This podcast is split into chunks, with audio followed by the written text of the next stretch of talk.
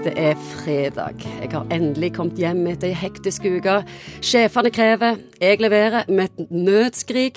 Turtallet har vært skyhøyt i mange dager. Trenger forresten ikke ha vært så høyt. Men én ting er uansett sikkert. Nå skal det bli deilig med et stort og lindrende glass vin. Og kanskje to eller tre. Og psykolog Egon Hagen, hvorfor ruser vi oss?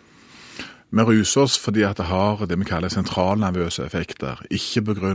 at vi liker irsk whisky eller skotsk whisky, eller at burgunder er bedre enn bordeaux, men fordi det har effekter. Og Det som er sikkert, er at vi drikker mer enn noen gang. Spesielt sånne modne folk sånn som meg og deg har en tendens Hvis vi ser på statistikken, så er det vi som har den største økningen egentlig i alkoholkonsumet. Hvorfor drikker vi så mye? Vi blir mindre kritiske, mindre sjølvurderende. Når du drikker, så får du liksom time in, og du får eh, anledning på en måte til bare å være der du er, og høre på musikken eller lage den maten som du gjør, eller være med kjæresten, eller hva det måtte være. Det gir oss en anledning til å komme litt vekk i forhold til denne sjølobservasjonen. Sånn som du eh, forteller nå, så høres det jo helt eh, vidunderlig ut. Alle må drikke. Det er et dilemma, fordi at eh, Forbudssida og sånn, det har vært forsøkt historisk sett mange ganger og aldri sett noe spesielt pent ut. Det ser ut som vi har et behov for å endre bevissthetstilstander. Vi har penger, vi har anledning til det. Vinen er ikke dyr i det hele tatt. Men samtidig så må vi ha to tanker i hodet, for det er jo selvfølgelig òg helsemessige risiko knytta til dette. Hvorfor reagerer folk så forskjellig på rus? Arv er en viktig faktor inni dette. sånn at Hvis du vet at du har, for har en far som har et alkoholproblem, sannsynligheten for å bli hekta er vanvittig mye større enn om faren ikke hadde hatt det problemet. Og Noe av det forstår vi, men på langt nær alt. Er det forska nok på dette? Nei, på ingen måte. Men det er ganske mye spennende forskning som foregår, som knytter egentlig alkohol, rusmidler og arv eh, til dette sammen alle kjenner jo en som endrer personlighet totalt etter noen glass. Det som skjer, er at du Alle rusmidler som har et avhengighetsskapende potensial, de treffer på et område som ligger nede i hjernen, og som er knytta til grunnleggende motivasjonssystemer. Det vil si at hvis du engasjerer deg f.eks. i seksualitet, eller i mat, eller du holder et lite barn, så skilles det ut stoffer i hodet ditt som øker sannsynligheten for at du gjør det. Så får du sånn deilig følelse når du gjør dette. Problemet er jo at disse stoffene de kaper de transmittersubstansene og er ti ganger så sterke. Så uten å få ungen og uten å gjøre noe som helst, så kan du få denne deilige følelsen av fornøydhet.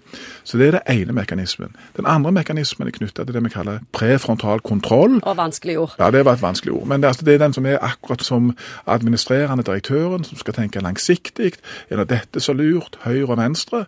Og Den primitive delen av hjernen den melder opp grela mange ting han har lyst til, og så har du en forstandig del av hjernen som sier er nå det så lurt?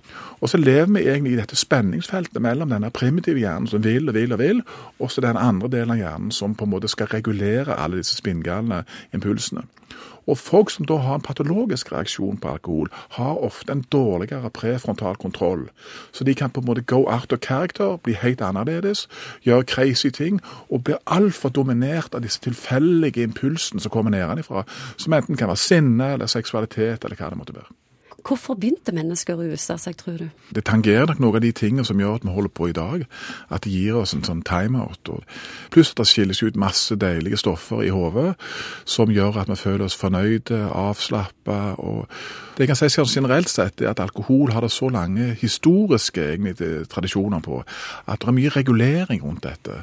Og det, og det er ofte en sosial aktivitet. Det har jo blitt tilknytta ritualer og festligheter og feiring, avslapning og trøst. og høytideligheter i årevis. Er alkohol kommet for å bli? Jeg tror definitivt alkohol er kommet for å bli.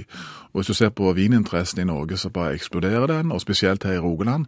Det er få plasser. Det er også Bærum tror jeg, som selger mest egne og dyre, dyre dråper. Hva forhold bør vi ha til alkohol? Vi bør ha et årvåken forhold til det. Eh, fordi at det som gikk kanskje greit tidligere, når du var yngre, trenger ikke nødvendigvis gå like greit eh, når du blir eldre. For når du blir eldre, så er det noe med at du bryter ned alkoholen dårligere enn du gjør ellers. Pluss at du kan få et alkoholkonsum som legger seg oppå i generelt dårligere helse. Alkoholen har en dobbelthet i seg, både som en helserisiko og en velstandsindikator. Så balanse er stikkordet? Balanse er stikkordet.